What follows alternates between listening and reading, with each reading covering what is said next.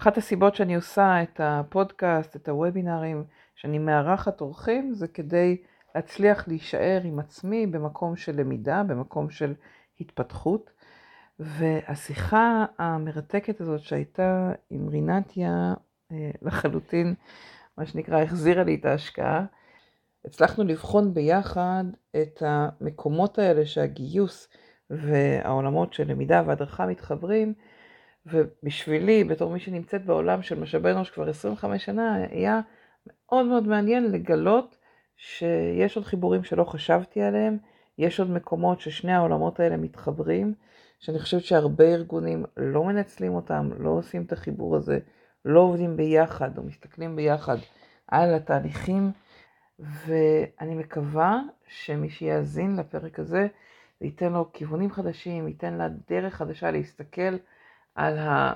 אפשר לקרוא לזה צוות משימה הזה, שמחבר גיוס והדרכה, אין לי ספק, וזה עלה גם מאוד חזק מתוך השיחה, שגם רינתיה באה מאותה תפיסה, זה, המש... זה העולם החדש של משאבי אנוש, זה האקוסיסטם החדש של משאבי אנוש, אנחנו רואים את זה לחלוטין בארץ, רואים את זה גם בעולם. פרק חדש בפודקאסט גיוס המקצוע על החיבור בין עולמות הגיוס והלמידה, פתיחה ונתחיל.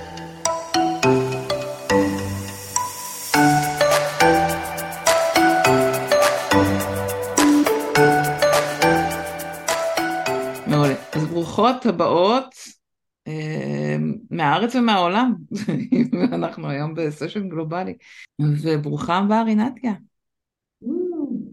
איזה כיף שאת פה. ממש, כיף שהזמנת מורית. תודה רבה. אני אה, כתבתי אה, במייל, בפרסום של, של הסשן היום, שכשאומרים אה, למידה והדרכה בישראל אומרים רינתיה, אני אגיד ששמעתי עלייך מזמן מזמן ועקבתי והייתי צריכה לגייס אנשי הדרכה או לעזור לגייס, אז, אז ככה התחלתי לעקוב ו... ובעצם רק התחלנו, הכרנו באופן אישי והתחלנו לדבר ממש לקראת הוובינר היום. אבל אני אגיד שישר ברגע שאמרתי בואי נדבר, אמרת אני, אני, אני שם, ו... ואני קודם כל מודה על זה. אני חושבת שגילינו שלשתינו יש פרספקטיבות אה, אה, משלימות נקרא לזה, זהות, אבל כל אחת בתוך עולם התוכן שלה. עינתיה, תכף תספרי לנו את אה, מסלול הקריירה שלך. ואנחנו פה היום כדי לדבר על החיבור הזה בין עולמות הגיוס והלמידה, ש... שאנחנו שתינו רואות את, ה... את השינוי במקום שלהם במשך השנים בתוך העולמות של משאבי אנוש. ו... ו... אני חושבת שהבנו ששתינו מאמינות שזה קריטי, החיבור הזה, והיום נדבר על איך. אה, ככה רינתיה פה בשביל לייצג לנו את הצד של, ה, של הלמידה, גם מתוך הבנה שרוב מי שפה על הקו באות מהצד של הגיוס, ומהצד של הרצון או ההבנה של איך אפשר לעבוד ביחד, ככה אה, בחיבור, איך ליזום את זה. אבל, אבל בואי נתחיל באמת בזה שתספרי לנו את מסלול הקריירה שלך, איך הגעת ומה את עושה היום, ואז מתוך זה לצלול לתוך עולמות התוכן. אה, מגניב. אז קודם כל אני אגיד שכל מה שאמרת בהתחלה זה גם מהצד שלי, כי אני שומעת עלייך המון המון שנים וזה ממש כיף אה, לחבר, לשתף פעולה סוף סוף. אה, אז בגדול היום, אני אתחיל מהסוף, היום אני מנהלת חברה שקוראים לה לימי, אנחנו בעצם מתמחים בתחום הזה של למידה והכשרה של עובדים בתוך ארגונים, אנחנו בעצם נותנים מענה למקצוע כמקצוע, לאנשי למידה בתוך ארגונים, יחידות למידה, מרצים על התחום הזה, חוקרים את התחום הזה, יש קהילה מאוד גדולה שעוסקת בזה, קהילת למידה ארגונית בפייסבוק וכזה, אז זה כאילו מאוד בגדול ככה מה שאנחנו עושים, הקמתי את החברה לפני שלוש וחצי שנים לפני זה הייתי עצמאית המון המון שנים, אני מלמדת את התחום הזה אה, כבר אה, מ-2012, מנהלת קהילה כמו שאמרתי, יועצת בתוך ארגונים, במקור לפני זה אני בעצם מפתחת הדרכה. אה, זה משם אני באה, עבדתי ארבע שנים בפלאפון, ושם גם אני חושבת שזה מאוד מאוד הבהיר לי את מה שעוד מעט נגיע אליו, האקו סיסטם הזה של משאבי אנוש, פיתוח הון אנושי, people, כוח אדם, לא משנה כל אחד יקרא לזה איך שהוא קורא לזה, אבל בגדול שם היה לי החממה שהצלחתי להבין את הכוח של זה. אז ארבע שנים בפלאפון ולפני זה אני בכלל מגיעה מעולמות החינוך אה, וכזה, זהו, אז זה בגדול התחנות המקצועיות שלי פלוס מינוס, המון דברים בתור עצמאית, כי עשור להיות עצמאית אז זה באמת לעשות מלא מלא דברים, וזה כיף. אז זה בגדול עליי, מורית. מעולה.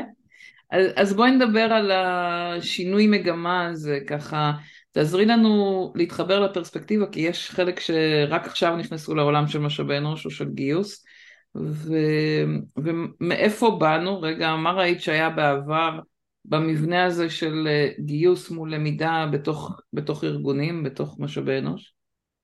טוב, אז נתחיל כאילו מבעבר, לצורך העניין שוב, כשאני עבדתי בפלאפון, עזבתי בפלאפון ב-2010, אוקיי? אבל אני עדיין רואה את זה בארגונים, ממנו משולש. אה, הפרדה מאוד מאוד ברורה בתוך הכובע הזה, בתוך המטריה הזאת של HR, משאבי אנוש וכזה, הפרדה מאוד מאוד ברורה בין אה, עולמות המשאבי אנוש ההארדקור, הקלאסיים, אה, שאנחנו כולנו מכירים, מגיוס, שכר, אה, כל, כל האזורים הקלאסיים של משאבי אנוש, עוד קודקוד של המשולש זה פיתוח ארגוני, ועוד קודקוד של המשולש זה הדרכה, בסדר? אז זה בעצם המשולש הזה שראינו אותו, אה, אנחנו עדיין רואים אותו בארגונים, ולמעשה מה שאנחנו מתחילים להבין עם הזמן, זה לא רק אני מדברת על זה, ג'וש ברסין מדבר על זה ועוד ועוד, הסיפור הזה של לעבוד יחד כאקו סיסטם, הוא הופך להיות מאוד משמעותי. עכשיו, כל אחד מהקודקודים האלה מאוד מאוד התפתח בעשורים האחרונים, בטח בשנים האחרונות, זאת אומרת,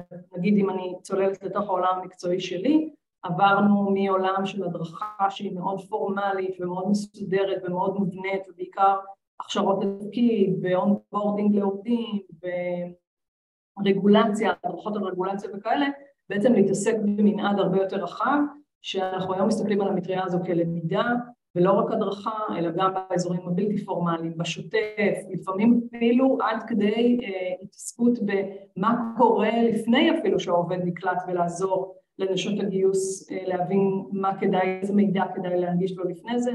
אז בעצם גם אצלנו היריעה התרחבה, מה שקרה גם בעולם הפיתוח הארגוני ומה שקרה גם בעולם משאבי אנוש. במקביל לכל זה, מה שקורה זה ששוק העבודה פשוט אה, נהיה מאוד מאוד מאוד אה, מטורף. המנוע הכי גדול של כל הדבר הזה זה בעצם סיפור טכנולוגי בעיקר, אנחנו רואים שינויים פסיכיים אה, טכנולוגיים מאוד מאוד מאוד גדולים, שאם תרצי אז נפרט עליהם. חוץ מזה, תוחלת החיים שהולכת ועולה, המצב הכלכלי שאנחנו חווים אותו היום בכל העולם, בדיוק שבוע שעבר יצא הדוח החדש של פורום הכלכלה העולמי, שבעצם חוקר את, את, את שוק העבודה העולמי חמש שנים קדימה, אמ, וגם הסיפור של אקולוגיה, המצב אה, הרפואי במרכאות של כדור הארץ גם מאוד משפיע וישפיע על שוק העבודה. אבל. אבל שנייה אני עוצרת אותך, את אומרת, כן. בחוץ כמובן השינויים קורים, אבל מה שאת אומרת, הגענו ממקום שהייתה, אם אני שומעת אותך נכון, הפרדה מאוד ברורה, אה, משאבי אנוש, בתוך זה הגיוס, כלומר הדברים היותר אה, אה, טקטיים כמו שכר, כמו להכניס את הבן אדם לארגון, דברים שנתפסים כיותר טקטיים, לבין הדרכה שהייתה, או הדרכה שהפכה להיות למידה, שזה לפתח את האנשים, והפיתוח הארגוני, שזה כל ה... איך עובדים ביחד, כל היום יום, ההתפתחות של האנשים. כן, אז אני חושבת שהעיסוק בטקטיקה במרכאות היה, היה מאוד רווח, זאת אומרת, התעסקנו לא רק בלמידה, התעסקנו כולנו בדברים שצריך לעשות בשביל בעיקר הטיפול והזה. המקצועות האלה מתפתחים די בד בבד ביחד, ובעצם אנחנו רואים אצל כולם התרחבות, הסתכלות הרבה יותר אסטרטגית, הרבה יותר הוליסטית, התעסקות יותר באסטרטגיה ארגונית ופיתוח של ההון האנושי. המקום של ההון האנושי נהיה הרבה הרבה יותר מרכזי בעשורים האחרונים, ובצדק, ולאור כל זה שלושת התחומים האלה משתנים מאוד ומתרחבים וצומחים וגדלים, שזה מה שמוביל בעצם להסתכלות ה ecosystem הזאת. אבל זהו, זאת אומרת מצד אחד הם התרחבו, ומצד שני, אפילו אם ניקח את הדוגמה שזרקת ככה, בתור אחת הדוגמאות onboarding, זה נושא שהוא גם חלק מהגיוס. כלומר, בתוך ההתרחבות הזאת בעצם מתחילים להיווצר, אם אני מבינה נכון, איזה שהם אזורים של חפיפה, שבהם אותו תחום כמו onboarding, כמו ניוד פנימי, יש לו נגיעות גם להדרכה וליכולת, או ללמידה, ליכולת לפתח מו, את הבן אדם, וגם החלק של הגיוס לוודא שקלטנו את הבן אדם נכון, שהוא משתלב נכון בתפקיד, ש, שהיא אה, מצליחה לעבור מתפקיד לתפקיד ויש לה את הכלים והכישורים, כלומר בעצם מתוך המקום הזה של הפרדת הכוחות ולכל אחד יש את העולם תוכן שלו, פתאום מתחילים להיות אה, אזורי חפיפה כאלה או משותפים? לגמרי, לגמרי. הם תמיד היו, אבל הם פשוט הולכים ונהיים יותר ויותר ויותר חזקים אזורי החפיפה האלה. אמ, אז אם ההסתכלות שלי כארגון, לצורך העניין, היא עדיין של משולש, או שלי כאשת מקצוע, בסדר? בין אם אני בגיוס, בין אם אני בלמידה, בין אם אני בפיתוח ארגוני, בין אם אני לא יודעת מה, בתוך הכובע הזה שנקרא HR, אם ההסתכלות שלי עדיין של משולש, כל אחד ישמור על הטריטוריה שלו, בוא, נשמה, אל תתקרב לאזורים שלי ואני לא לשלך, אז אנחנו, זו האמירה שלנו מאוד מאוד חדה, אנחנו היום בעידן הנוכחי מפסידים מזה המון. ההסתכלות צריכה להיות ממשולש לעיגול, בעצם ההבנה שזה ברור שכל התחומים האלה התרחבו, ברור שמתוך זה שהתרחבנו, הממשקים שלנו אחד עם השני הם הרבה יותר חזקים והרבה יותר גם דורכים במרכאות על הרגליים אחד של השני, אבל יש פה גם כמובן עניין אישי, גם עניין מבני של מבנה ארגוני ועוד הרבה הרבה פרמטרים שמשפיעים על זה. של אחריות, של איך, איך לא בדיוק. כולם עושים את הכל כזה, לא? בדיוק, אז אני לא, לא כולם עושים את הכל, עוד מעט נדבר על זה, אבל ההסתכלות הזאת של חפיפה היא דבר הכרחי, אוקיי? לא סתם כולם משתמשים בביטוי הזה של ecosystem, כי ecosystem במשמעות שלו זה שאנחנו תלויים אחד בשני, זה ה ecosystem הזה אומר שאת ואני לא יכולות להתקיים אחת בלי השנייה, ולא רק שאנחנו לא יכולות להתקיים אחת בלי השנייה, אנחנו לא נצמיח משהו חדש, זה מה שקורה באקו סיסטם אקולוגי אמיתי, לא נצליח להצמיח משהו חדש אם לא נעבוד אחת עם השנייה. אם נמשיך כאילו להיות בנפרד, בסוף הארגון, העובדים וגם אנחנו מקצועית בעצם נפסיד מזה. עכשיו יש לזה הרבה השלכות שאנחנו בליני, אנחנו מוצאים אחת לשנה את אה, דוח המגמות, אנחנו נצרף את זה אחר כך בלינקים, את דוח המגמות אה, שלאן פיתוח הון אנושי ולמידה בארגונים בעצם הולכים בשנה הקרובה. והשנה באמת את זה סימנו כאחד המגמות המאוד מאוד מרכזיות, המעבר לאקוסיסטם ב-HR, ותוך כדי בוובינר שהצגנו את זה וזה, תוך כדי איזה שלושה ארגונים במקביל כתבו לי בפרטי, את מדברת עלינו? המשולש הזה זה אנחנו? עכשיו אני מכירה את הארגונים, באמת זה מורכב, זה מורכב לעבוד ביחד, זה מורכב לעבוד ביחד באזורים שהם חופפים, שכל אחד יש את מקצוע משכמה ומעלה וכולי, אבל באמת הדיבור הוא להפוך לכמה שיותר עיגול, למצוא, ויש נקודות חפיפה בכל מקרה, בסדר? השאלה מה אנחנו עושים איתם. אז בואי ספרי לנו באמת ה, על השינוי הזה שאת רואה לתוך, ה, העיגול, לתוך האקו-סיסטם. אה, את יכולה לשתף אותנו בדוגמאות שראית של, של תהליכים כאלה שהם מחברים בין... אה, בין... אני, אני רוצה רגע לפני שאנחנו צוללות לזה להתעכב שנייה על האתגר. okay. ומאיפה הוא מגיע, כדי שכולנו רגע נבין את הקריטיות, וזה גם הכותרת שלנו, של למה הדבר הזה כל כך קריטי. אוקיי. Okay. אז כמו שאמרתי קודם, שוק העבודה באמת עובר שינוי של לוחות טקטונים, הם ממש ממש זזים לנו מול העיניים. אה, אנחנו מדברים, כאילו רגע בנתונים כדי לסבר את האוזן, אה, אנחנו מדברים על זה ש-23% מהמשרות אה, בעולם היום, תוך חמש שנים השתנו, הם לא יראו אותו דבר. בסדר?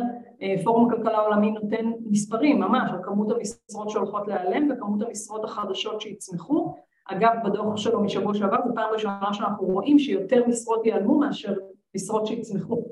בדוח הקודם הוא היה מאוד אה, חיובי, הפעם הוא קצת יותר, זה בעיקר המצב הכלכלי. זאת אומרת, הסיפור הזה של גיוס, אה, למידה, של פיתוח הון אנושי, הוא בוער לכולנו מתחת לרגליים. והנתון הבא של פורום הכלכלה העולמי מדבר עליו זה ש-44 אחוז מסט הכישורים שלנו יעבור או reskilling או upskilling, זאת אומרת או שאנחנו נידרש להסבה בעקבות התזוזה המטורפת שתיארתי קודם של טכנולוגיה ואקולוגיה ומצב פוליטי ובטח ובטח המצב הכלכלי והדבר הזה הוא מוביל למנוע מאוד מאוד חזק של HR, זאת אומרת ארגונים שלא באמת משקיעים בפיתוח ההון האנושי שלהם הם בבעיה ועכשיו אנחנו נשות המקצוע אם אנחנו לא באמת מבינות רגע את אה, גודל האירוע ואת המצב שאנחנו נמצאים בו, ושנייה, זה, זה באמת אה, ברמה של אה, לפעמים אם אנחנו נמשיך להוביל שוק או נעוף פה. אז שלא לדבר על כניסת הבינה המלאכותית שהיא עוד גפרור בתוך הלהבה הזאת והאש הזאת, שאפרופו ערב ול"ג בעומר, של הדבר הזה שנקרא מהפכה טכנולוגית, שהנה אנחנו בעוד עליית מדרגה. אז, אז, אז את אומרת הקריטיות זה השינויים שקורים בחוץ, והמשרות בתוך הארגון שחלקן הולכות להיעלם וחלקן הולכות להשתנות ואם אנחנו לא ניקח את האחריות על לדאוג ש... שיערכו לזה מראש אז בעצם הארגון לא יצליח לעמוד במשימות שלו, כלומר צריך להגיד, זה, זה, זה ה... ויש פה איזושהי, אה, אני, חושב, אני לא זוכרת אם סיפרתי לך או לא, אבל אני, אני זוכרת שדיברתי לא מזמן עם אה, מנהלת גיוס, ואמרתי לה שאני לא מבינה למה עדיין משאירים את התפקיד הזה, תפקיד של מראיינת טלפונית, תפקיד שהוא מאוד אה, אה, סטנדרטי בהרבה ארגונים, אמרתי יש כל כך הרבה כלים היום טכנולוגיים, דיגיטליים, שבמקום להתקשר ועשרים פעם ביום לשאול את אותו סט של שאלות, תשל, תשלחי אס.אם.אס שהם יענו לבוט, כאילו יש, יש כלים כל כך פשוטים, חלקם אפילו חינמים שאפשר לעשות את זה, למה? אני לא, אנחנו עובדים עם מראיינות טלפון, כלומר יש איזה קיבעון. נשות המקצוע, אני אומרת נשות כי רובנו נשים, אמ, לפחות אצלי, אני לא מספיק מכירה את עולם הגיוס, אבל אחד הדברים שאני מדברת איתו המון עם אנשי למידה, זה שאנחנו לא לומדים את המקצוע שלנו הרבה פעמים לעומק, אנחנו לא מבינים את, את, באמת מה ש... את השינויים האלה של המקצוע שלנו, המקצוע שלנו חווה, ואז אני גם לא בהכרח יודעת לבוא ולהגיד להנהלה, שומעים? הנה הנתונים של פורום הכלכלה העולמי, הנה הכלים שקיימים היום, ובעצם אה, להפוך להיות הרבה יותר עם ערך מוסף בארגון, ולנוע יותר לאזורים האסטרטגיים ועדיין להתעסק בטקטיקה, אם זה בעולם שלי אז לצורך העניין זה פיתוח לומדות או לא יודעת מה, או רעיון טלפוני, ובמקום באמת לעזור לארגון שנייה אסטרטגית להבין מה הוא צריך. אני חייבת להיות אשת מקצוע שמסתכלת גם ומחברת את כל מה שאני עושה לאסטרטגיה הארגונית, גם בהווה אבל גם בעתיד. ההסתכלות היא שלוש שנים קדימה צריכה להיות. זאת אומרת, לא רק מה אני מגייסת לצרכים של הארגון עכשיו, או מה, איזה למידה אני מנגישה לעובדים עכשיו, אלא מה אני מגייסת לעתיד, עוד שלוש שנים, ואם זה הכיוון שאנחנו הולכים אליו, אז מה זה אומר על העובדים שלי היום, ואיך בעצם אני מייצר את כל הניוד הפנימי הזה, או אלף ואחת פתרונות שאני בעצם מסתכל עליהם. אגב, בדוח הקודם של פורום הכלכלה העולמי, אחד המקצועות שהוא סימן בהכחדה זה כל אזורי ה-HR הטקטי וה training, אוקיי? זה לא לגמרי התממש, הקורונה כמובן מאוד ערבלה את זה, אבל אנחנו רואים את זה, מי שלא, וכל כל, כל מקום שבו דיגיטציה יכולה להיכנס ולהחליף אותנו, היא תעשה את זה, אותו דבר גם באזורי הלמידה. אני חייבת לצלול יותר לאזורים האסטרטגיים, למשמעויות של זה על הארגון, ולהבין שהתפקיד שלי הוא לא רק הגיוס כאן ועכשיו, אלא הוא גם עתידי. בעצם זה היישום על עצמנו של השינוי שקורה לארגון. כלומר, ההבנה שהתפקיד שלי משתנה, שאני אהיה חייבת לדעת יותר, שאני אהיה חייבת להבין טכנולוגיה, שאני אהיה חייבת, דיברנו על זה שבוע שעבר בסשנים על, על AI ועל על החדשנות, להגיד, זה לא מספיק שאני אבין שהתפקידים של אנשים בארגון משתנים ואיך אני עוזרת להם ללמוד, אני חייבת בתוך זה להבין את השינויים של התפקיד שלי, ו, ובו זוגית גם להתקדם בעצמי, כמו שאני ממליצה או מעודדת את, ה, את ההתקדמות של האנשים בתוך הארגון, כאילו בדיוק, עכשיו זה אגב מאוד מעניין להסתכל על עצמנו כנייר לקמוס לדבר הזה, בדיוק הפגישה הקודמת שלי הייתה הכנה לאיזה כנס שגדעון זייבר ואני הולכים להרצות על ההשפעה של בינה מלאכותית על, ה, על המקצוע שלנו ועל התחום שלנו. עכשיו אני רק מדברים איתי על זה, אני כאילו גם די, בחייאת רבאק, עוד שינוי, אין לי כוח לזה, ועוד עכשיו לרוץ אחרי כלים טכנולוגיים, וזה כאילו מצד עכשיו אני אומרת, אוקיי, אם אני ככה מה זה עושה לעובדים, מה זה עושה, זה אחלה נייר לקמוס הדבר הזה אגב, וגם למנהלים להבין את השיח הזה. בקיצור, זה, זה case study נורא מעניין. אני שיתפתי, שיתפתי בשבוע שעבר, אני, אני הכרחתי את עצמי להיכנס גם ל-chat GPT, גם ל-mid journey, גם לכלים האלה, כי אמרתי, אני, אני רואה שזה קשה לי ואני חייבת רגע לשחק עם זה, בלי זה אני לא אבין מה משתנה, אבל, אבל זה כל כך, uh, המהירות וה... העוצמה, כמות הכלים, זה הסיפור שלא, אם לא נכנסים עכשיו באמת אנחנו נטבע, או יפ, לא, לא נוכל להשלים, אז חייבים, כי זה לא נוח לעשות את השינוי הזה, זה בטוח. זה... ממש, וככל ש... יש מודל כזה של דאגלס אדמס שכתב את אה, המדריך הטרפיסט לגלסקה, שמדבר על זה שכאילו ההבנה הגילאית של הקבלה של שינויים טכנולוגיים ככל שאתה מתקדם בגיל. שבגדול עד גיל 35 שינויים טכנולוגיים נראים לך סבבה והגיוניים וזה מגיל 35 אתה לא גדלת לתוך זה אז אתה אומר איף מה זה הדבר הזה? ואתה הופך להיות אפילו יותר ויותר אנטי. אה, לגמרי מיכל אני ממש מתקבלת למה שכתבת שמתחילים לשחק עם זה ורואים כמה זה קל וכמה זה באמת חוסר זמן. מצד שני זה באמת אה, שאנשים שמסתכלים על זה יותר כאיום אגב, אחת ממיומנויות העתיד זה כל הסיפור של אוריינות דיגיטלית והיכולת שלי להסתכל מהר על אה, טכנולוגיות חדשות, לבחון אותן ואז לראות איך, אני, איך וכמה אני רוצה לאמץ אותן. אז נחזור לשאלה שלך, שאלה דוגמאות, כן. אז לא מעט, באמת לא מעט, ואנחנו רואים את זה יותר ויותר. יש בגדול כמה דוגמאות מאוד מאוד מובהקות שאפשר לדבר עליהן.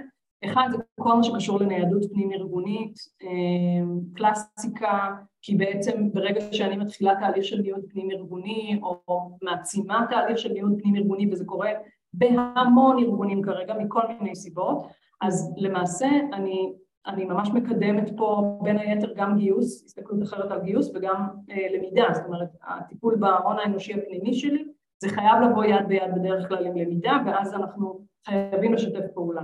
כי בעצם בשביל לנייד אני גם צריכה לבדוק מה הכישורים שיש לבן אדם, מה צריך להשלים, איזה כישורים חסרים.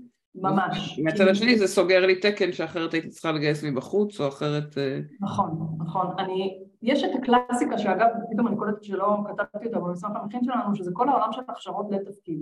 שאני מגייסת אנשים חדשים לארגון, אז בין אם חפיפה, בין אם זה אחד הדברים שלי מבחינתי בצ'קליסט של מה אני אמורה לעשות לפני שאני בונה הכשרה או תהליך כניסה או משהו כזה, זה ללכת לגיוס ולדבר איתו ושומעים, כאילו בואו תספרו לי רגע על תהליך הגיוס של הבן אדם, מי, את מי אתם מחפשים, למה אתם מחפשים, מה האפיון משרה של הדבר הזה, זה מאוד מאוד מאוד, לי כאשת למידה זה קריטי, כי אחרת אני אבנה פה, אגב הרבה פעמים על זה אנחנו בונים, מוצאים באגים אחד של השני, של שנייה אני מגייסת מישהו עם כזה כי זה הדרישה של התפקיד ואתם בכלל לא מעצימים את התכונה הזו, או להפך, שאנחנו מבינים מתוך הבנייה של הקורס, של המסלול, לא משנה מה, שאנחנו חייבים בן אדם שהוא ככה וככה, ואם תדברו איתו על זה כבר בגיוס, זה עשוי לחסוך לנו אה, כאילו מלא עבודה חינמית ואנשים שבסוף מתקבלים שהם לא באמת רלוונטיים. אז זה עוד, כל העולם הזה של כניסות והכשרות לתפקיד וזהו קלאסי. ניידות פנים ארגונית גדלה מאוד בעיקר בגלל הסיטואציה הנוכחית ובעקבות זה יש לנו גם את עולמות ה reskilling. reskilling זה אומר תהליכים יזומים שארגונים עושים בשביל uh, להסב עובדים מתפקיד X לתפקיד Y, ופה uh, uh, השחקנים של גיוס ושל למידה הם קריטיים מאוד. ניקח דוגמה קלאסית ממה קורה בבנק לאומי, וזה קורה היום בעוד ועוד ארגונים, זה שאם אני רגע מסתכלת על עולם הבנקאות, אני מבינה שהדיגיטל משנה לי את כללי המשחק, הם כבר באסטרטגיה הארגונית של זה הסתכלו על זה כבר לפני כמה שנים טובות, ואז אמרו שנייה, יש לי פה עובדים שאני לא יודע מה אני עושה איתם עוד ארבע שנים, אה, מנהל אשראי בסניף אה, לא יודעת מה, טלר ולא יודעת איפה. אני חייב לעשות את זה, אני, בואנה, גם לפטר אותם עולה לי המון כסף מבחינת התייעלות ארגונית, אז, אז מה אני עושה? בעצם הסיפור הזה של reskilling, גם מתוך צורך של שוק העבודה וגם מתוך צורך פנים ארגוני של מה אני אעשה עם עובדים, על אחת כמה וכמה עובדים שיש להם סוג של קביעות, אה, בעצם נולדים תהליכי reskilling שאני לוקח את אותם עובדים, בונה להם מסלול בעצם גיוס פנים ארגוני מחודש, תהליך של למידה מחודש, ומוציא אותם מהצד השני שהם אה, יודעים מקצוע נגיד של אה, מנתחי big data, בסדר? אנליסטים, מפתחי אפליקציות אה, וכולי וכולי, בסדר? מישהו שהיה מנהל אשראי. אז זה גם תהליך שמתחיל לקרות יותר ויותר בארגונים. אני, אני אעצור אותך שנייה, כי כן. בעצם מה שאת מתארת רק ממחיש את מה שאמרת קודם, שזה היה קיים פה תמיד, או שהצורך היה קיים תמיד לחיבור בין גיוס ו, ולמידה, כי אה, אם מנהלים באים ואומרים, לא, לתפקיד הזה אני חייבת שיהיה תואר שני עם ידע בזה וידע בזה וידע בזה. ואנחנו רגע, ושנים אנחנו אומרים, רגע נעצור ונשאל למה זה כזה קריטי דווקא התואר הזה, או דווקא הידע הזה. האם זה דברים שאפשר להשלים אותם בעזרת למידה לפני הגיוס או אחרי הגיוס, לא ממש משנה. בעצם דרך החיבור הזה אנחנו יכולים להרחיב את הפול ו- ואת הפוטנציאל הגיוסי, כלומר אני יכולה לגייס הרבה יותר אנשים שהם לא באים עם כל הטבלה עם צ'ק צ'ק צ'ק ולהשלים להם את הפערים של הידע ב- בתוך הארגון. נכון, שהם גם מגיעים עם ערך אדיר, כי הם כבר מכירים את הארגון לגמרי, יש פה זה, גם על זה אנחנו עושים לכם הרחבה ל... אבל גם אם הם מגיעים מבחוץ, לא רק אם הם מגיעים מבפנים, נכון. גם אם הם מגיעים מבחוץ אני יכולה לעשות להם את ההשלמה כי הם מגיעים עם ערכים אחרים ש... שהם הביאו איתם מתפקידים אחרים, מתחומים אחרים. כלומר, ה... היכולת הזאת לעבוד ביחד בעצם מאפשרת לנו להרחיב את מקורות הגיוס, להגיע גם לאנשים שאחרת לא היו יכולים להיות רלוונטיים אם אני מבינה שאני יכולה להשקיע בהם ולפעמים זה השקעה של כמה ימי הדרכה או איזושהי תוכנית הדרכה אפילו ממוקדת שפתאום הופכת, קבוצה גדולה של אנשים שאמרנו אוטומטית לא, הם לא מתאימים, לכאלה שיכולים להיות פוטנציאל גיוסי. מעולה, זה, זה פותח רגע ציר הצידה שהוא מאוד משמעותי, שתכננתי לדבר עליו אחר כך אבל זה ממש מתחבר, שבעצם ההסתכלות לאט לאט בשוק העבודה הופכת להיות הסתכלות שלא של job description, בסדר? אלא של סקילים, אוקיי? רוחבית, של מיומנויות וכולי, אני חושבת מכירות את זה. שבעצם כל ההסתכלות, גם שלי מבחינת בנייה של תוכניות למידה, אבל גם שלכם בעולם הגיוס, משתנה מאוד, כי אני בעצם מסתכלת היום רוחבית ולא מסתכלת ציר פנימי אה, רגע של נגיד אני מגייסת עכשיו, לא יודעת, מתכנן, אז אני רק מסתכלת על היכולות המקצועיות שלו וכולי, אני חייבת להסתכל על יכולות רוחביות, על כישורים רוחביים שהוא מביא איתו, ואז בעצם אני בונה את הג'יקסו הזה קצת אחרת ממה שבניתי אותו בעבר. אותו דבר בתהליכי למידה, יש מערכות מטורפות שהיום עושות את זה בארגונים ואת המיפוי מיומנויות. מיפוי כישורים, כן. לגמרי, ואז יודעות להגיד, רגע, זה מה שחסר לך לתפקיד הבא, הנה בוא תלמד את זה. זה לגמרי שיתופי פעולה של גיוס ו...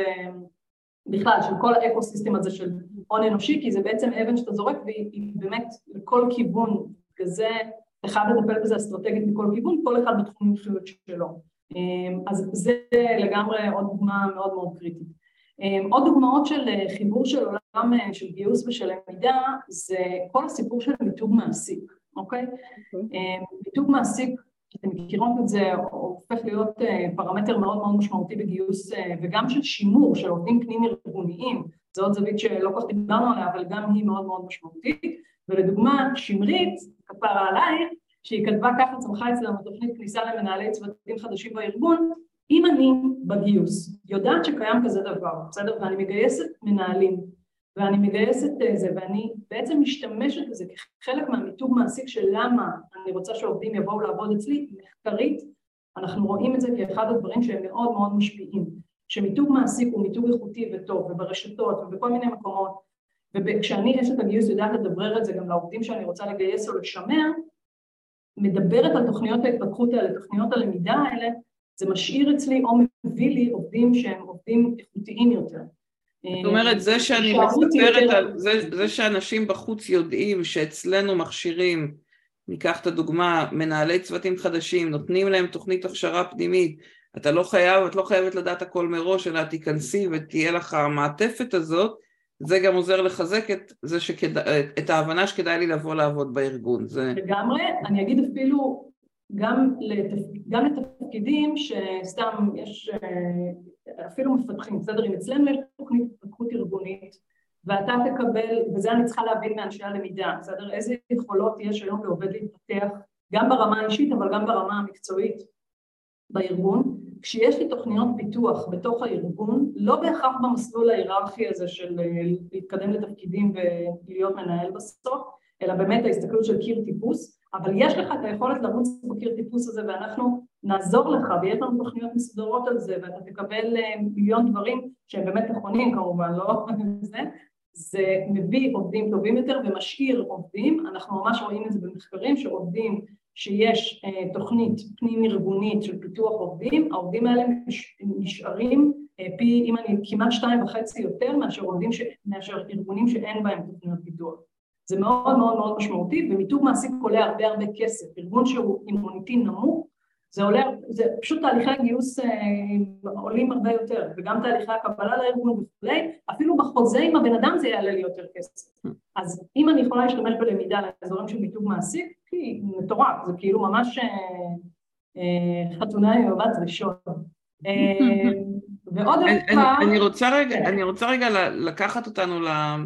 לא רק להגיד לצעד הבא, אבל mm-hmm. אם אנחנו מבינים למה זה כל כך חשוב, אני רוצה לשאול מה, מה אפשר לעשות עם זה כמגייסות, אה, ואני אגיד, יש בגדול שני סוגים של, אה, של ארגונים, אחד שהמגייסת היא one woman show והיא עושה הכל, עושה גם הדרכה, היא עושה גם, אה, גם גיוס, גם משאב אנוש, כאילו מין הכל בסל אחד, ואז אני רוצה להבין בארגון כזה מה חשוב שאני אדע נקרא לזה בכובע הגיוסי מול הכובע ההדרכתי. החלק השני זה שארגונים שבאמת יש לכל אחד יחידה ואז אני, אני אשמח לחשוב איתך על מה, מה לעשות אם אני מגייסת ואני כאילו יש גבולות מאוד ברורים גיוס עושה רק גיוס ואז מעביר את המקל מה אני יכולה לעשות כדי להתחבר? אבל מעניין אותי ככה בהסתכלות על שני, ה, שני הסוגים האלה של ארגונים מה את רואה? אמ, אז נתחיל רגע מהסוג השני של ה... שיש יחידות וכאלה, בגדול יש, אנחנו כתבנו על זה במפורט בדוח המגמות, אז מי שאחרי זה תרצה להוריד את זה כאילו אפשר בכיף ויש שם ממש הרחבה הרבה יותר רחבה של מה שאני מדברת עליו. Okay. אוקיי. צעד ראשון זה שנייה לקבל את המצב הזה ולהבין שהאקו סיסטם הוא נדרש, בסדר? זה דבר ראשון. תוותרו על האגו, תוותרו על הפוליטיקה, תוותרו על כל מיני גבולות שלא באמת ישים לשים אותם. אפילו הקלה בזה שאנחנו צריכות ורוצות לעבוד ביחד, זה אחד, בסדר? יש פה המון גם עניין של חוסר היכרות לפעמים. אה, נגיד, יש במרכאות הרבה קלאשים בין פיתוח ארגוני ללמידה, בסדר? במקומות שבהם ארגונית הם לא יושבים יחד, או תחת כפיפה אחת. בגיוס, הרבה פעמים זה חוסר היכרות בכלל של מה אנשי למידה עושים ומה נשות גיוס עושות, איך התהליך עובד, אז קודם כל תכירו, תקבלו את זה שזה המצב וכולי. הצד השני זה ממש לקבוע פגישה ביחד ושנייה לעבור על ה checklist הזה שדיברנו עליו קודם, של איפה אנחנו יכולים, איזה אתגרים יש לנו היום של פיתוח הון אנושי בארגון, ואיפה כדאי וצריך שנשתף פעולה. ואז להבין שנייה ביחד מי עושה מה, בסדר? ואז לייצר רגע את ה checklist הזה של אוקיי, אז אנחנו נטפל בזה וזה וזה, ואתם תטפלו בזה וזה וזה. אם ניקח רגע את reskilling כדוגמה, זה אומר שצריך לגשת שנייה להנהלה ולהבין איזה תפקידים אוטוטו עומדים להיות פה בהכחדה, אוטוטו אנחנו מדברים בטווח של שלוש שנים, mm-hmm. ואיזה תפקידים אנחנו צריכים יותר ויותר בארגון. עכשיו לשבת שנייה ביחד ולהבין מה זה אומר בהיבטי גיוס, מה זה אומר בהיבטי למידה, מה זה אומר בעוד היבטים אגב אה, של פיתוח הון אנושי, ואז להבין איך ומה נכון אה, לטפל בכל אחד, אנחנו ממש הוצאנו, מדריך כזה לאיך מרימים תהליך ריסקי ארגוני, זה גם לינק שאנחנו נשים לכם, אבל יש שם משהו כזה, אז זה בגדול הדברים, כאילו לקבל את זה, בסדר? לא, לא להילחם בזה, ללמוד שנייה את הצד השני, לא ללמוד את המקצוע שלו, בסדר? זה לא, כל אחד עם המקצוע שלו והמומחיות שלו. להבין ברמה הבסיסית מה השחקן הזה יודע לתת לי. אם אני אה, בועטת לשער, מה ההגנה יודעת לתת לי, איך אני יכולה לעבוד איתה יותר בשיתוף פעולה, ואז מתוך ההבנה הזו והצרכים הארגוניים וכולי, לחלק תפקידים ולחלק את הקלפים עם אה, סינכרון אה, בינינו, אבל באמת להבין ש... אחד ועוד אחד יהיה שווה פה חמש, בסדר? גם לארגון, גם לעובדים, גם לנו וכולי. אז זה בגדול. שנייה רגע, לפני שנעבור לסוג השני של הארגונים, אני גם אגיד בסוגריים שמי שרוצה לשאול שאלות מוזמנים לכתוב תוך כדי ואנחנו אה, נשמח לשלב את השאלות שלכם בתוך השיחה. אבל אם אני שומעת אותך נכון, את, אני מבינה שהיכולת, כשזה שתי יחידות נפרדות, היכולת לשתף פעולה אה, תהיה רק אחרי שנשב ונתחיל למפות גם את הצרכים אבל גם מה כל אחד עושה. כלומר יש איזה הנחות כאלה שכל אחד יש לו את האחריות שלו ואז לפעמים אפילו לא, לא נכנסים לחדר כדי לדבר על זה או מניחים שהסמנכ"ל יחלק בינינו את המשימות. ואני יצא לי להיות בכמה פעמים כאלה שאני זוכרת שכשמיפינו פתאום גילינו שיש משהו שאף אחד לא עושה או משהו ששני גורמים עושים אה, בלי לדעת שהשני גם מעורב בהם כלומר יש פה איזושהי אה, אה, יש צורך קריטי בלשבת ולמפות כדי בכלל להבין את הגבולות גזרה ואם יש משהו שחשוב לי שיקרה אבל הוא בגזרה של מישהו אחר פשוט לדבר על זה כדי להעביר את, ה, את המקל. כלומר יש קריטיות לסשן הזה ואני חושבת שדווקא אם, אה, אם אתם חדשים בארגון חדשות בארגון דווקא שם אפשר ליזום את זה יותר. כאילו יש נכון יש איזו נטייה להניח טוב זה ידוע זה ברור זה מוכר ואם ואם את חדשה אז דווקא להגיד אוקיי זה לי לא ברור. בואו נדבר פתאום נגלה שזה גם לאחרים לא ברור. או היסטורית ככה עובדים אז פתאום אתה חדש אתה בא ושואל שאלות תם אז זה כאילו קצת זה. ושוב אני מזכירה כאילו להבין שנייה גם מה האתגרים של הארגון סביב פיתוח הון אנושי בהסתכלות עתידית לא רק על ההווה עכשיו אלא בהסתכלות עתידית. לנו כאנשי מקצוע עכשיו בתחום פיתוח ההון האנושי יש הזדמנות פז לעלות באמת לאזורים האסטרטגיים. כי אם אנחנו באות יחד להנהלות בחירות ושואלות אותם את השאלות האלה שהם לא בהכרח יודעים לשאול את עצמם לפעמים, זו הזדמנות מאוד מאוד גדולה לקחת באמת את המקצוע שלנו ולהרים אותו גם לאזורים האסטרטגיים, הסתכלות עתידית וכולי. בעיניי יש פה אפילו אה, ברמת השליחות של אה, להציל משרות של אנשים, זה אנחנו לא מבינים... זה, זה בדיוק זה. זה ממש, ממש חוצה את זה, זה כאילו ממש, אה, בעיניי זה אחד הדברים מהותיים שמן הסתם המדינה לצערנו לא מטפלת בו, אבל לנו יש המון כוח כן לטפל בזה. אה, היה בעבר איזה מאמר שדיבר על זה שאנשי גיוס לא, לא מפוטרים כשתופסים אותם בארגון כאסטרטגיים, כלומר זה לגמרי ההגנה על התפקיד שלנו, אני מסכימה במאה אחוז. תראי, גם בעיניי כאילו זה, זה, זה המקצוע, על זה משלמים לנו כסף, לא משלמים לי כסף רק כדי שאני אפתח בעולם שלי, שאני אפתח לומדה ואני אעשה יותר מגניב סרטון. בין היתר משלמים לי כסף גם כדי שלפעמים אני אשאל את הארגון שאלות שקצת יזיזו אותו לא בנוח בכיסא, אני כמובן צריכה לעשות את זה בחוכמה ובלה בלה בלה, אבל כאילו זה המקצוע שלי, אני, אני משלמים לי לעשות את המקצוע שלי כמו שצריך, אז צריך להבין שזה חלק מאוד מהותי מהמקצוע שלי, כי הוא מתפתח כל הזמן. אמ, מבחינת הבודדת, שאלה טובה, אמ, אני חושבת, תתארי לי רגע איך היא נראית, שאני שנייה אבין רגע אולי יותר לעומק, כי אני לא בטוחה. מה היא עושה, תראי, כשיש אה, בסטארט-אפים נגיד קטנים, שיש 30, 40, 50 איש בארגון, או חברות, אה, יש גם חברות הנדסה קטנות, שאני, כאילו, אז יש מישהי אחת שעושה את שם, ולפעמים אפילו במשרה חלקית. עכשיו, היא נשאבת בעיקר לענייני הגיוס, כי זה הדברים שבלעדיהם אי אפשר לתפקד. ואומרים לה בואי תעשי גם, לפעמים היא גם שמים עליה את המשרד אפילו, את האדמיניסטרציה, אבל מה, אבל אה, אפילו אני אגיד, מה חשוב שהיא תלמד בעולמות של ההדרכה ולמידה, כדי שהיא תוכל ככה לוודא שהיא עושה את שני הכובעים, או שהיא גם את זה. יש פה שתי, אה, שתי תשובות, אחת זה ה-quick wins והשנייה היותר עמוקה, בסדר? בהיבט היותר עמוק יכול להיות ששווה להחזיק אה, או ספק או יועץ, אפילו לשתיים שלוש פגישות מהירות כדי שנייה להבין את ה... לאן האסטרטגיה של למידה צריכה לכוון ואז לייצר על זה דברים שהם טיפה יותר כן. מורכבים, כאילו נגיד יום למידה חודשי או דו-חודשי או משהו בסגנון ואז גם זה גוזל ממני טיפה אחרת משאבים. והאזורים של ה quick wins היותר מהירים זה קודם כל לתת פלטפורמה לעובדים ללמוד בגן, זה ארגון קטן. אני אקח דוגמה, אה, רישיונות ל LinkedIn Learning וכאלה, בסדר? אה, פשוט לפתוח אותם לעולמות האלה, שהם יוכלו ללמוד מה שהם רוצים, ואוצ'רים ללמידה ולשווק את זה, לדבר על זה, להגיד את זה, אה, לעודד למידה פנים ארגונית בין אנשים, זאת אומרת אם זה 40 איש, וואלה, לעשות אקסל שיתופי, אה, מורית, מה את יודעת ללמד אחרים? ומה היית רוצה ללמוד, להשקיע שעה, להסתכל שנייה על האקסל השיתופי הזה, לפרסם אותו חזרה ולעשות מאצ'ים בין אנשים. אני יכולה לייצר פינת ההמלצה השבועית שממליצים על פודקאסט בסדר? אה, פודקאסט באחד הנושאים שכולנו זה, כל פעם עובד אחר ממליץ, בקטנה. אפשר לעשות פה המון קוויק ווינס שבעצם ממשיכים להזרים את הסיפור הזה של למידה, אה, שהיא הרחבה, היא התשתית, היא הפלטפורמה.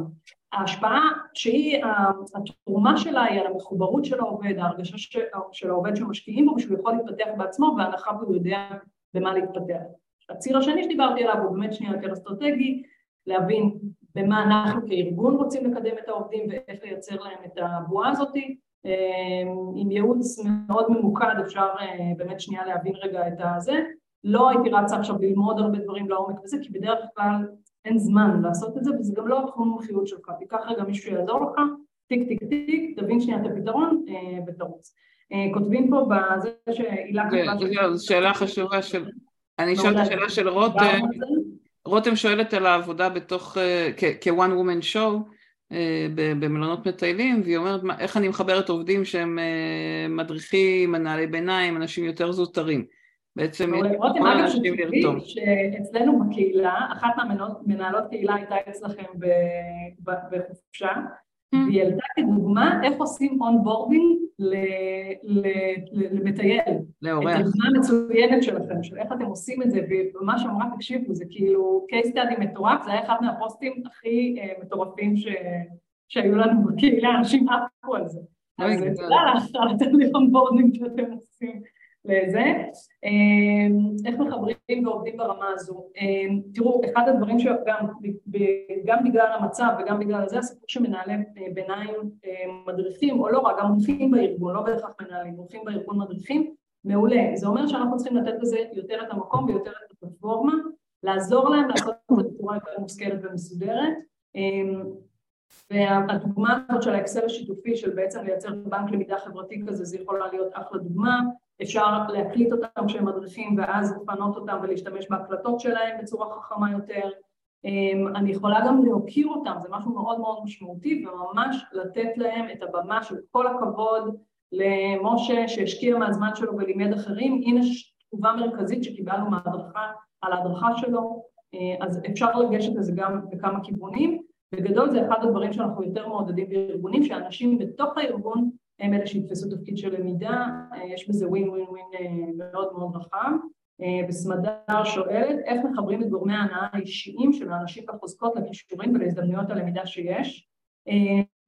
אני אענה על זה ברמה טקטית וברמה אסטרטגית. ברמה טקטית, שאלון בחן את עצמך, מאוד מאוד פשוט, הכי דבילי במרכאות שיש, אני רגע ממפה את מה הדברים שבעצם הייתי רוצה ללמוד ומה החוזקות שלי ומה הדברים שלי, אם כבר עשיתם תהליך כזה בארגון עם כלי כזה או אחר, עם BTI, לא משנה מה, כאילו מעולה, תשתמשו בזה, ואז בעצם שבסוף השאלון הבחן את עצמך הזה, שכבר אני אמליץ לעובד איזה הזדמנויות למידה מתאימות לו יותר, זאת אומרת השאלון נבנה בעצם מהסוף להתחלה, מההזדמנויות שיש, בהתאם לזה אני בונה את השאלות. זה מענה טקטי, הוא עובד, הוא מדהים, הוא על הכיפאק מעין, שוב, בחן את עצמך ולהתאים.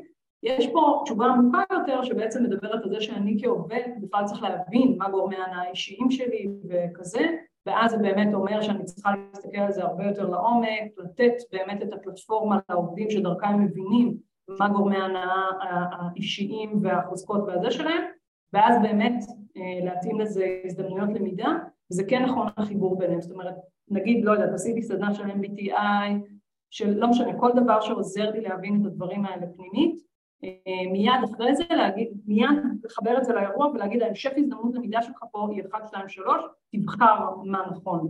זה, זה בעצם אה, היא שאלה, נקרא לזה פרומו לוובינר של סמדר ושלי שבוע הבא, כי אנחנו מדברות בדיוק על זה, על העניין של המוטיבציה, ובעצם את אומרת המוטיבציה היא לא קשורה רק אה, לגיוס, להאם אני אשאר בארגון לאורך זמן, אלא גם לאיזה תפקידים אני ארצה להתפתח, מה אני ארצה ללמוד, מה אני ארצה עוד לעשות, כלומר אני חושבת שמה שהולך לתפוס תאוצה יותר ויותר, כי, כי שוב, היא מתחברת גם לפיתוח מסלול קריירה של העובד והכל, אני לא יכולה לדחוף לו למידה על דברים שלא מעניין, כאילו, לצערי אני גם נאלצת לעשות את זה באזורי רגולציה וכאלה, כן, אבל יש פה גם את המה וגם את האיך.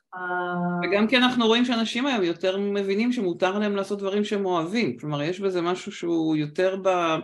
לחפש משהו, נקרא לזה בערכים שיותר אה, נותנים להם לגיטימציה היום של, אה, של, של עבודה מתוך אה, משיכה, מתוך מוטיבציה, מתוך הנאה, אנשים יותר מחפשים את זה, אבל אני חושבת שמה שלי ככה מתחדד מתוך השיחה זה באמת המקומות האלה המחוברים בתפר בין גיוס ולמידה, ש, שזה מרגיש כאילו סוג של הכל, כאילו אני אומרת באמת ממש, נכון יש את החלקים של לאתר את האנשים אבל ברגע שהרחבת לי את מי אני יכולה לאתר אז, אז בעצם אה, אז, אז כל, בכל צעד מלאתר אנשים גם אם אין להם הכל ואז להשלים להם ואז הם כבר נכנסו אז ה onboarding שלהם.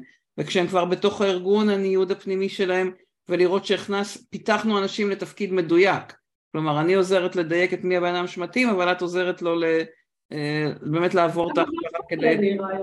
זה היה תוך כדי שאנחנו מדברות, שלמשל אני יכולה, אם יש לי ממשק שוטף ואיכותי, אני קשת למידה עם הגיוס, אני יכולה להבין מה האתגרים של הגיוס נהיה, איזה, איזה סוג מקצועות היום קשה למצוא, איזה כישורים קשה למצוא, ולחשוב ביחד, לחפש על זה תהליכי למידה דברים, ולחשוב ביחד איך אולי בתוך הארגון לעזור כאילו גם לגיוס לפתור המון אתגרים שאתם מתמודדות איתם, שאנחנו לא בהכרח רואים אותם, ואז לעזור דרך, ה, דרך הפתרונות שאנחנו יודעים להציע, אה, כי כשאני מתחילה להבין יותר לעומק את האתגרים האלה, אז אני באמת, אה, אני, אני באמת יכולה לתת פתרון יותר הוליסטי ולעזור גם לכם, זאת אומרת זה שוב... זאת אומרת האחריות שלנו בגיוס זה גם לשקף לצוותי אה, ההדרכה, הלמידה, את, ה, את הקשיים, את האתגרים, ולחשוב איך הם פתרונות uh, למידתיים אפשר לייצר איזשהו פתרון גיוסי. כלומר, יש פה... כן, זה, שוב, אני מרחיבה את זה באקוסיסטם. כאילו, רגע, אם אני הולכת אה, זה, יכול להיות שאני מנהלת הגיוס, ואני מוציאה מייל אחת לחודש, אהלן,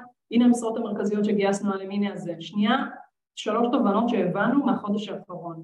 אחד, קושי מאוד מאוד גדול בלמצוא, לא יודעת מה. שתיים, אנחנו רואים הצפה בתחום של טה-טה-טה, שלוש, טה-טה-טה. רעיונות, הגלגלים יתחילו לנוע, זה רלוונטי מאוד גם לפיתוח אה, ארגוני, כי הם הרבה פעמים מטפלים בשכבה של המנהלים, ואז גם יש פה המון השלכות לגבי המנהלים. זה דוגמה לאיך אקוסיסטם כזה יכול לעבוד, כי ברגע שאני משתפת בקטנה, בסדר? לא להציף אותי עכשיו, אה, ושאני לא אציף אתכם עכשיו, כי אנחנו באמת בעידן פסיכי מהבחינה הזאתי, אבל וואלה, קראתי שנייה את המייל, אני זה, זה רץ לי איפשהו בראש, ואז פתאום אני אומרת, בוא'נה, בכנס ההוא דיברו על הזה, הנה ראיתי יוזמה עכשיו שהתחילה להיוולד פה בארגון, אולי זה מתחבר לה.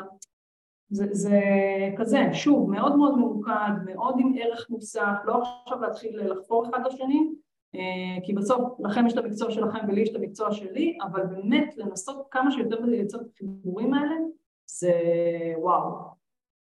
אז בואי, התחלת לגעת קודם ואמרת שניגע בזה אחר כך בטכנולוגיה, איך את רואה את הטכנולוגיה משנה את המהות של התפקידים, או מה, מה השינוי הזה של התפקידים החדשים שנכנסים? אמ, אז בגדול אנחנו רואים כניסה מאוד מאוד מסיבית, שזה מאוד משמעותי לכן כנשות גיוס, של הצורך באנשים שיש להם את מה שנקרא מיומנויות העתיד, אמ, ובאמת מותר האדם מהמכונה, המיומנויות האלה בעצם מבטיחות את זה שאני כ... כעובדת אדע להתנייד בין תפקידים בהמשך וגם בתוך התפקיד שלי להמשיך ולצמוח בצורה מאוד מאוד איכותית. בגדול פורום הכלכלה העולמי ועוד מחקרים מדברים על ארבעה תחומים מרכזיים, אחד זה כל האזורים של ניהול עצמי, אמ, היכולת שלי לנהל את הזמן שלי, את הרגשות שלי, חוסן ואיכות מתמדת, היכולת שלי להיות ב-growth mindset, אה, זה אחד הדברים המאוד קריטיים שהיום כל עובד, לא משנה איזה עובד, כמובן שיש תפקידים יותר ויש תפקידים פחות, אבל אני ארצה לחפש אצל העובדים שלי, אה, אנשים שגם לא מפחדים ללמוד לבד ויש להם יחסית המיומנויות האלה. אגב, אה, זה משהו שבישראל קורה בצורה יחסית נמוכה, לא מלמדים אותנו פה איך ללמוד ואת כל המיומנויות העתיד האלה באופן כללי, ולכן הרבה פעמים אנחנו בארגונים נאלצים להשלים את הפער הזה שאנחנו מתמודדים כמדינה בכלל. אז זה גם משהו שגם אם אני מזהה שוואלה, קשה לי, קשה למצוא אנשים כאלה בתחומים האלה, תקשיבו, זה משהו שאנחנו כארגון צריכים להשלים אותו בקרב האנשים האלה וגם להשתמש בזה חזרה למיתוג מעסיק שלנו, זאת אומרת, זה עוד פעם, כל הזמן להסתכל על זה ברב מימדיות כזאת. אמ, אז זה תחום אחד, תחום נוסף שאנחנו רואים אותו מבחינת מיומנויות עתיד זה כל העולם של פתרון בעיות, אה, אבל גם פה קצת עלינו מדרגה, כי אנחנו מדברים על פתרון בעיות מורכבות אה, ויצירתיות בתנאים של חוסר ודאות, שאני לא יודעת מה הולך להיות מחר בבוקר, אנחנו מדברים על פתרון בעיות שמבוסס על דאטה וקבלת החלטות שמבוססת באמת על ניתוחים אנליטיים, אז זה עוד תחום. תחום נוסף הוא כל העולם של בינה חברתית, זה היחסי אנוש של פעם, אבל בעצם עלינו מדרגה, כי בגלל שאנחנו בעידן של fake news וחוסר אמון מאוד מאוד גדול בהיררכיות, בארגונים, בממשלות, אה, לפעמים גם אחד בשני, אה, אז אנחנו מחפשים אנשים שיודעים להניע אחרים בצורה אותנטית. לא עכשיו מישהו שאני ארגיש שהוא בא אליי מכוח הסמכות שלו וכולי, אלא הסיפור של האותנטיות הופך להיות הרבה יותר קריטי, והאותנטיות הזאת בעידן הזה, לייצג אותה, זה הופך להיות גם פה הרבה יותר מורכב, כי בהרצאות שלי נגיד לעובדים ולמנהלים בארגונים, אני תמיד נותנת את הדוגמה שכשאבא שלי יצר קשר בשוק העבודה בשנות ה-80 וה-90 עם אנשים, אז היה לו או טלפון או פגישות פרונטליות. ועכשיו אנחנו עושות וובינר אונליין, שאחר כך גם הופך לפודקאסט, ואני מדברת עם אנשים בסלק ובוואטסאפ ובלינקדאין, אוקיי? מי כמוכם מכיר את הדמות שלי בלינקדאין ואיך היא מיוצגת וכולי, והאותנטיות הזאת והיכולת להניע צריכה לנוע בכל הפלטפורמות האלה, אז זה עוד משהו ככה מאוד אה, משמעותי שהופך להיות שחקן מרכזי ביכולות שלנו כעובדים בשוק העבודה. אה, יש כמובן כל הסיפור של גיוון עבודה עם אנשים שהם שונים ממני אה, ובסינכרון דיגיטלי באלף ואחד כלים גם עם אנשים מהצד השני של העולם, אז זה כאילו כל הכותרת הזאת שנקראת בינה אנושית. והתחום המשמעותי מאוד זה התחום של אוריינות דיגיטלית, שבעצם מה שהיא אומרת זה היכולת שלי כאדם, דיברנו על זה קודם, להסתכל על טכנולוגיה חדשה, אה, לבחון אותה, ואז להחליט איך, אם וכמה אני רוצה בעצם לאמץ אותה, אז אלה בעצם ארבעת התחומים המרכזיים ש... שמדוברים... שאני חושבת שמתוך לשמוע את הדוגמאות שלך, אני, אה, האחריות שלנו, אה, אני חושבת שהמשולבת זה, שלנו בגיוס זה לעזור לזהות האם יש או אין לאדם את הכישורים האלה, ובאיזה רמה, כי יש כנראה רמות שונות לכל אחד מהם, ו- ואז אם מזהים פערים, אז האחריות בצוות ההדרכה או הלמידה זה לעזור להשלים את הפער מול, מול מה שצריך. זה באמת נכון. השימוש בשפה של skills, זה שיש לנו איזו שפה משותפת שמאחדת. אני הולכת אפילו קומה אחת למעלה, מורית, okay. כאילו אוקיי. לאור מה שאמרת, אם אנחנו חוזרות רגע לדיבור האסטרטגי, זה אומר שאני כאשת משאבי אנוש, גיוס, לא משנה, אני צריכה בכלל למפות איזה מתוך הסקילים האלה הם עכשיו כל עובד שאני מגייסת אליי לארגון, הנה שני דברים שאסור לי לוותר עליהם, נכון. והנה דברים שמאוד מאתגר אותי, עכשיו זה, זה צריך להיות שיח עם מנהלים, יש פה הרבה השלכות לתוך הדבר הזה, וגם פנים ארגונית, עובדים שקיימים אצלי היום, על איזה סקילים הם עומדים, באיזה רמה, האם יש יכולת להשלים את זה, באיזה צורה, לאיזה תפקידים זה רלוונטי, יש פה עולם ומלואו, יש היום שוב מערכות בינה מלאכותית שלמות שמתלבשות על המערכות הארגוניות שלי ובעצם לאט לאט יודעות לייצר את זה, אנחנו ממש מדברים על אה, ארגונים שצומחים בשלוש שנים האחרונות ובעצם נותנים מענה כזה. אה, המלצה רגע הצידה, מי שקצת מעניין אותו להבין כל הדבר הזה, קורה יותר בארגונים וזה, יש היום כמה דוגמאות בארגונים שקורות, אומנם בארגונים מאוד גדולים, אבל גם ארגונים קטנים יכולים לשאוב על זה. אה, מכבי לדוגמה עושים עבודה מאוד מאוד חזקה בעצם בלחבר את כל הפינות האלה של ה-HR ולעבוד בצורה הרבה יותר של אקוסיסטם מהמערכות הטכנולוגיות הפנים ארגוניות ועד באמת ההסתכלות הגיוסית שלהם ושל תהליכי הכשרה וכזה, בטח באזורים של פיתוח ארגוני, למידה, משאבי אנוש, שוב, מאוד מאוד מאתגר. אה, אמדוקס עושים עבודה מאוד מאוד אה, רחבה וגדולה על זה, ויש עוד ועוד ועוד אה, ארגונים ש... שממש זה, עם, עם שלושת הארגונים, עם שני הארגונים האלה הקלטנו, יש לי פודקאסט שנקרא פיצוחים, הקלטנו שם פרקים איתם למי שזה מעניין, ו... ואפשר קצת להאזין לסיפור טיפה יותר לעומק. מעולה. אז בואי ניקח את הדקות האחרונות שיש לנו, וגם אם יש שאלות אז זה, זה זמן, זה זמן לשתף. ואני אשאל מה הטיפים העיקריים ש, שאת נותנת היום למגייסות כשהן רוצות לעשות באמת את החיבור הזה עם אה, צוות ה, אה, הלמידה, ההדרכה, אה, כשרוצות לעשות איזושהי הסתכלות ארגונית על החיבור הזה בין גיוס ההדרכה, מה, מה הטיפים העיקריים ש, שאת יכולה לתת לנו? אמ, אני חושבת שאחד זה להבין שאנחנו לא דורכים על הרגליים אחד של השני והמקצוע שלנו לא נעלם, של אף אחד מאיתנו, הוא מתחדד. בסדר? זה ממש מתחדד. אמ, זה כאילו אפילו קצת קינת סופרינטר בחוכמה וכל האזורים האלה של שחרב אחת אה, מתחדדת בחברתה היא כזה. אה, אז הבאתי בו דבר תורה. ממש. כן. אה, בקיצור, בקיצור אז, אז זה אני חושבת גם אצלי הרבה פעמים, זה היה מעצבן אותי, בסדר? זה היה מעצבן אותי שנכנסים לנישה שלי ועכשיו נותנים לי רעיונות ומה לעשות בזה. לאט לאט לשחרר את זה ולהבין גם קצת להוריד מהפומפוזיות של החלוקת תפקידים הנורא מוגדרת וזה, לייצר באמת גם חיבורים אישיים, יש משהו בחיבור האישי שהוא מאוד מאוד משמעותי, אפילו סתם, אה, לא צריך לשבת בהכרח עכשיו לאיזו ישיבה נורא פורמלית, להתחיל לאכול מדי פעם צהריים ביחד, בסדר? כאילו להתלבש בזמנים שהקפה של הבוקר, לעשות אותו רגע ביחד אה, מהשיחות האלה, מהדיבורים האלה, אם אפשר אפילו לשבת פיזית אחד ליד השני, אה, מה טוב, אה, אני חושבת שאחד ההצלחות שלנו בפלאפון זה שבאמת כל, ה...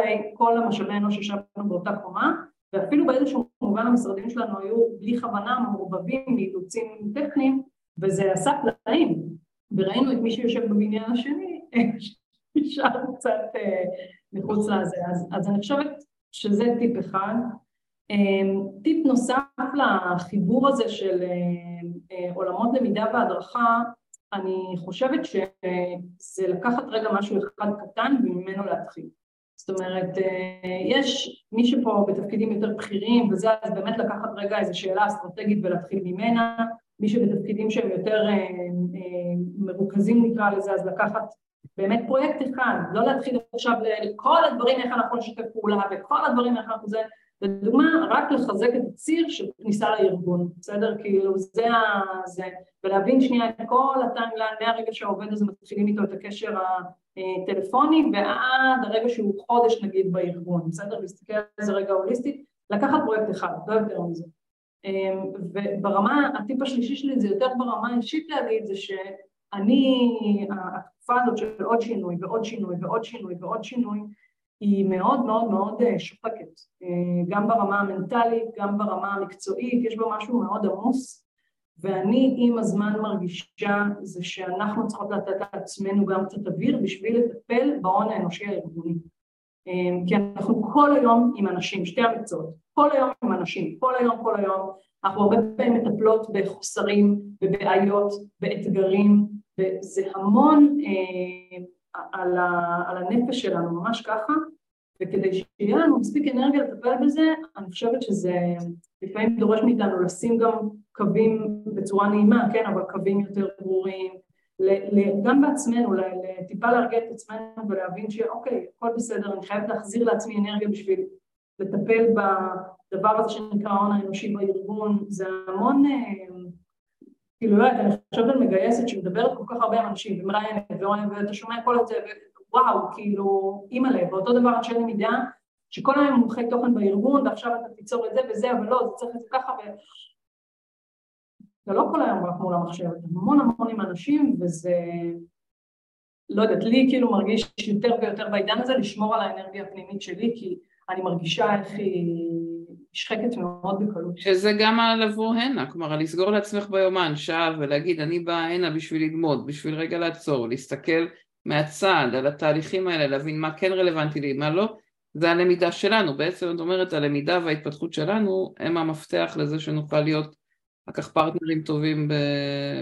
לגמרי, זה, זה כאילו goes with that saying, מה שנקרא, כי זה כאילו ברור, זה המקצוע, זה, אני כאילו מטיפה על זה במרכאות כל היום, שכמה למידה היא קריטית ומשמעותית, והיא גם אי של שפיות mm-hmm. מכל האטרף היומיומי, אבל גם באמת באמת אנחנו ברמה האישית לשמור על האנרגיה הזאת, יותר להפריד בין בית לעבודה, עוד לקחת בכובד ראש נקרא לזה, לא ברצינות, אלא בפנימה עמוק את הדברים שכל הזמן, כי באמת הממשקים עם, עם אנשים בארגונים הם כולם כל הזמן צריכים, רוצים, אתה צריך לאבד מה ש... זה המון המון המון להחזיק בלב ובמוח.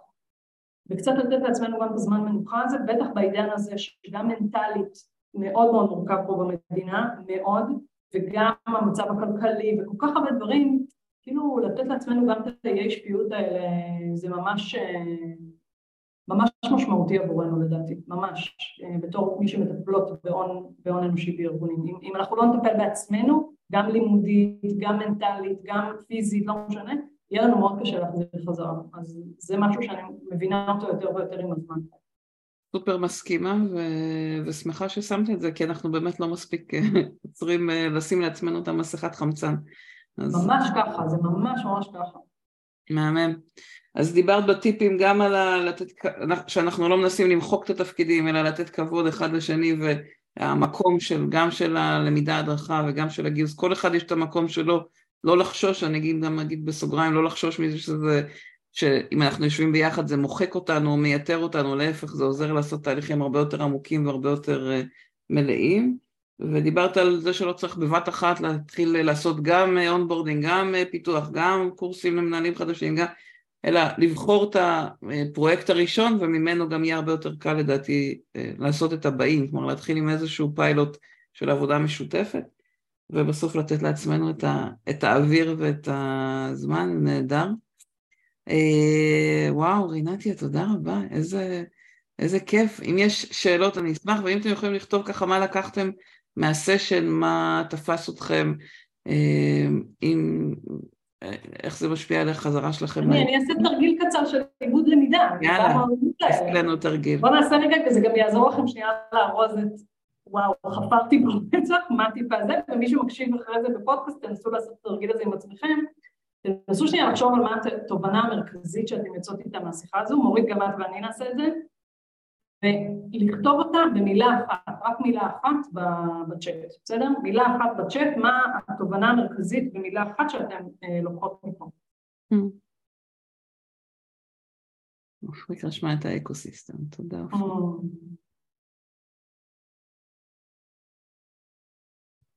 אני שיחה, מורית, זה היה לי כיף.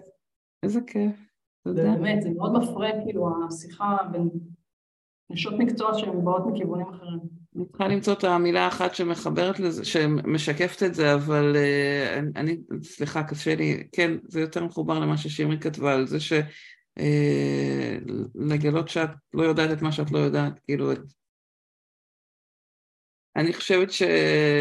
שבאתי לשיחה ממקום שהיה נדמה לי שאני כבר יודעת מה הולך, ל... על מה נדבר, גם כי עשינו שיחת הכנה וגם כי זה נושא שאני חושבת בו, אבל כאילו נפתחו לי עוד חלונות שלא הייתי מודעת אליהם, אז משהו ב, בלבוא ממקום, ואני משתדלת לבוא ככה תמיד, אבל אני חושבת שזה תמיד מפתיע אותי ומשמח אותי. אה, לצאת משיחה עם איזו תובנה אחרת על תהליך שאני כבר מתעסקת בו 25 שנה של הגיוס, אז, אה, אז בשבילי זה מרתק ו, זה חלק מהסיבה שאני עושה את זה בשביל עצמי, בשביל שאני אוכל ללמוד, ועל הדרך כולנו ביחד. איזה כיף. תודה על מה שאתם כותבות, הדדיות, יציאה מקיבעונות, שמרית, זה לא חוקי הפורמט, כתבת פה שתי מילים. אני שברתי את המסגרת הזו. אפרופו ליציאה מקיבעונות. אה, מעולה, תודה רבה רבה, מורית, תודה ענקית. אז תודה לכולם ותודה שהייתן איתנו, מנחת זה קשוח, אני איתך. זה קשוח לגמרי.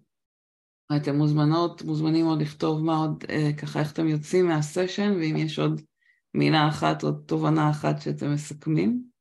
ואני אגיד תודה רינתיה, אנחנו נצרף, אה, רינתיה הכינה לנו ככה כישורים עם אה, עוד הפניות, עוד מאמרים, עוד תכנים שאפשר לקרוא. גם נצרף את האתר ואת פרטי ההתקשרות למי שירצו עוד להעמיק בקשר איתך, גם בפודקאסט וגם ב... אה, גם בוובינ, בהקלטה של הוובינר באתר. אז אני אגיד תודה רבה רבה. תודה רבה. יהיה המשך יום מעולה לכולם, תודה. להתראות, תודה. ביי, נתיה.